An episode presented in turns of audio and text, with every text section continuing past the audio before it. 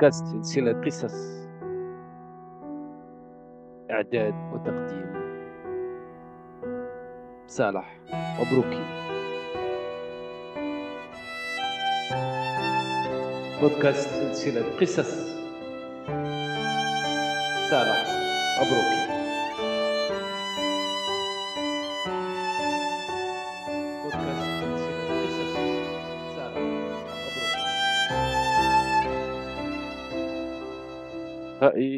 نلتقي مع قصة جديدة من خرافة جدتي مقتطفة من مجموعة القصصية غياهب التيه قول السارد لطالما حكت لي جدة حكايات وخرافات قبل النوم ليلا وبعده لتغذي خيالي الطفولي وهذه إحداها.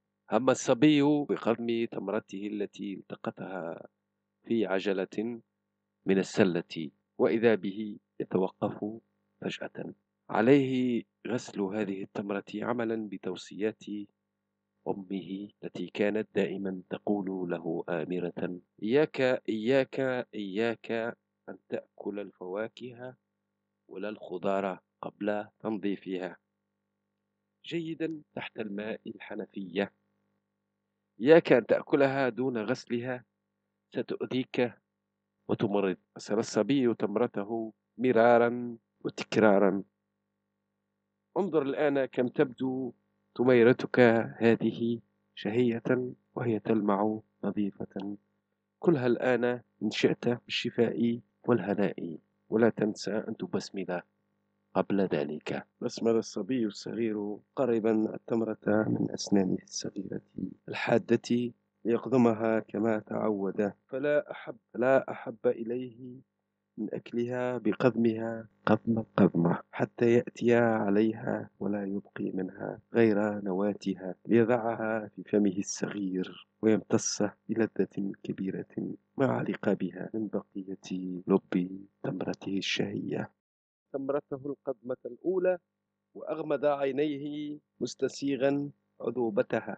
وما إن شرع في القضمة الثانية حتى لاحت له من؟ لاحت له ساكنة التمرة التي أطلت عليه برأسها الصغير صارخة في وجهه بصوت عال داعية إياه إلى التوقف حالا عن القدم حتى لا يقتلها. توقف الصبي عن قدمته الثانية في هلع وأبعد التمرة عن أسنانه بسبابة وإبهام يده اليمنى. وضع التمرة فوق الطاولة المستديرة البلاستيكية ببطء وبرفق حتى لا تسقط ساكنتها. تتهشم على أرضية المطبخ. قسم التمرة نصفين نصف كامل ونصف ينقصه قضمة ورمى النواة بعيدا. جلب عود ثقاب مشتعل أمسكه بطرف وبطرفه الآخر أخرج الدودة من النصف التام الذي بقيت عالقة به.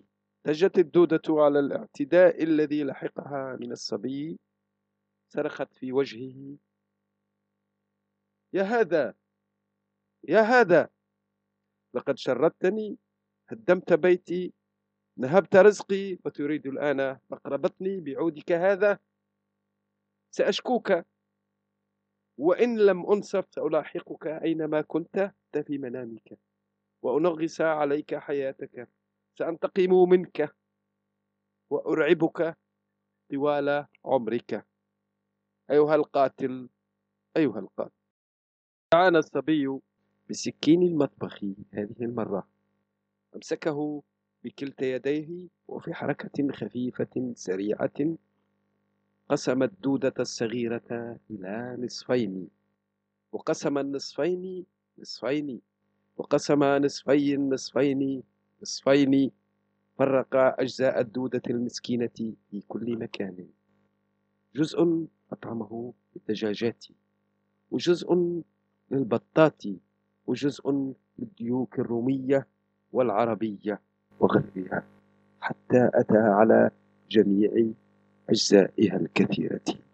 الآن الآن فقدت سينام الصبي مطمئنا فهذه الدودة انتهى أمرها للأبد ولن تستطيع تنفيذ تهديداتها المخيفة له. سحب من السلة تمرة ثانية وثالثة ورابعة وكان في كل مرة يقدم واحدة من التمرات يغمض عينيه حتى لا يرى الدودة أو إحدى بناتها.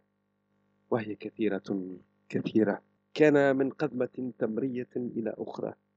يحس بجسم صغير طري لزج يستغيث تحت أضراسه كان في قرارة نفسه يتألم كثيرا لما يحل بكل دودة سكنت تمرة من التمرات التي تعود على أكلها. كلما عاد من مدرسته صباحا.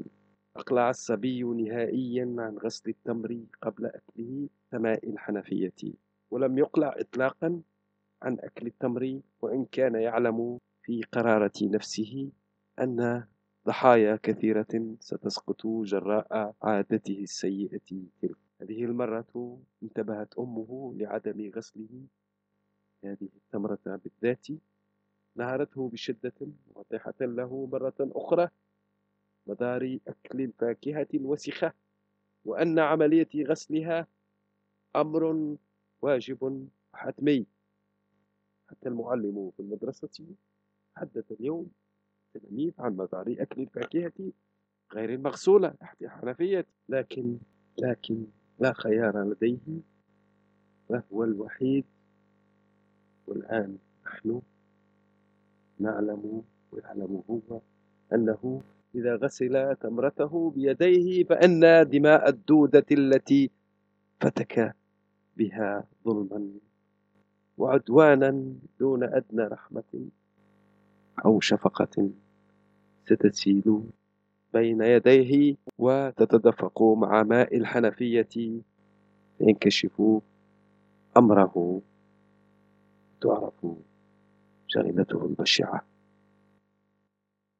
كانت جدتي تنتبه إلى نوم مفاجئ في وسط كل حكاية ومع ذلك فقد كانت تواصل سردها.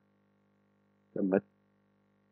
هكذا أصدقائي أعزائي نأتي إلى نهاية هذه القصة برمتها. تحت مسمى خرافة جدتي. وهي قصة قصيرة مقتطفة من مجموعة قصصية. غياهب التيه كنتم مع بودكاست سلسلة قصص إعداد وتقديم صالح مبروكي. إلى اللقاء بحول الله في حلقة قادمة من هذا البودكاست. إلى اللقاء. كنتم مع بودكاست سلسلة قصص إعداد وتقديم صالح مبروكي. بودكاست سلسلة قصص صالح مبروكي.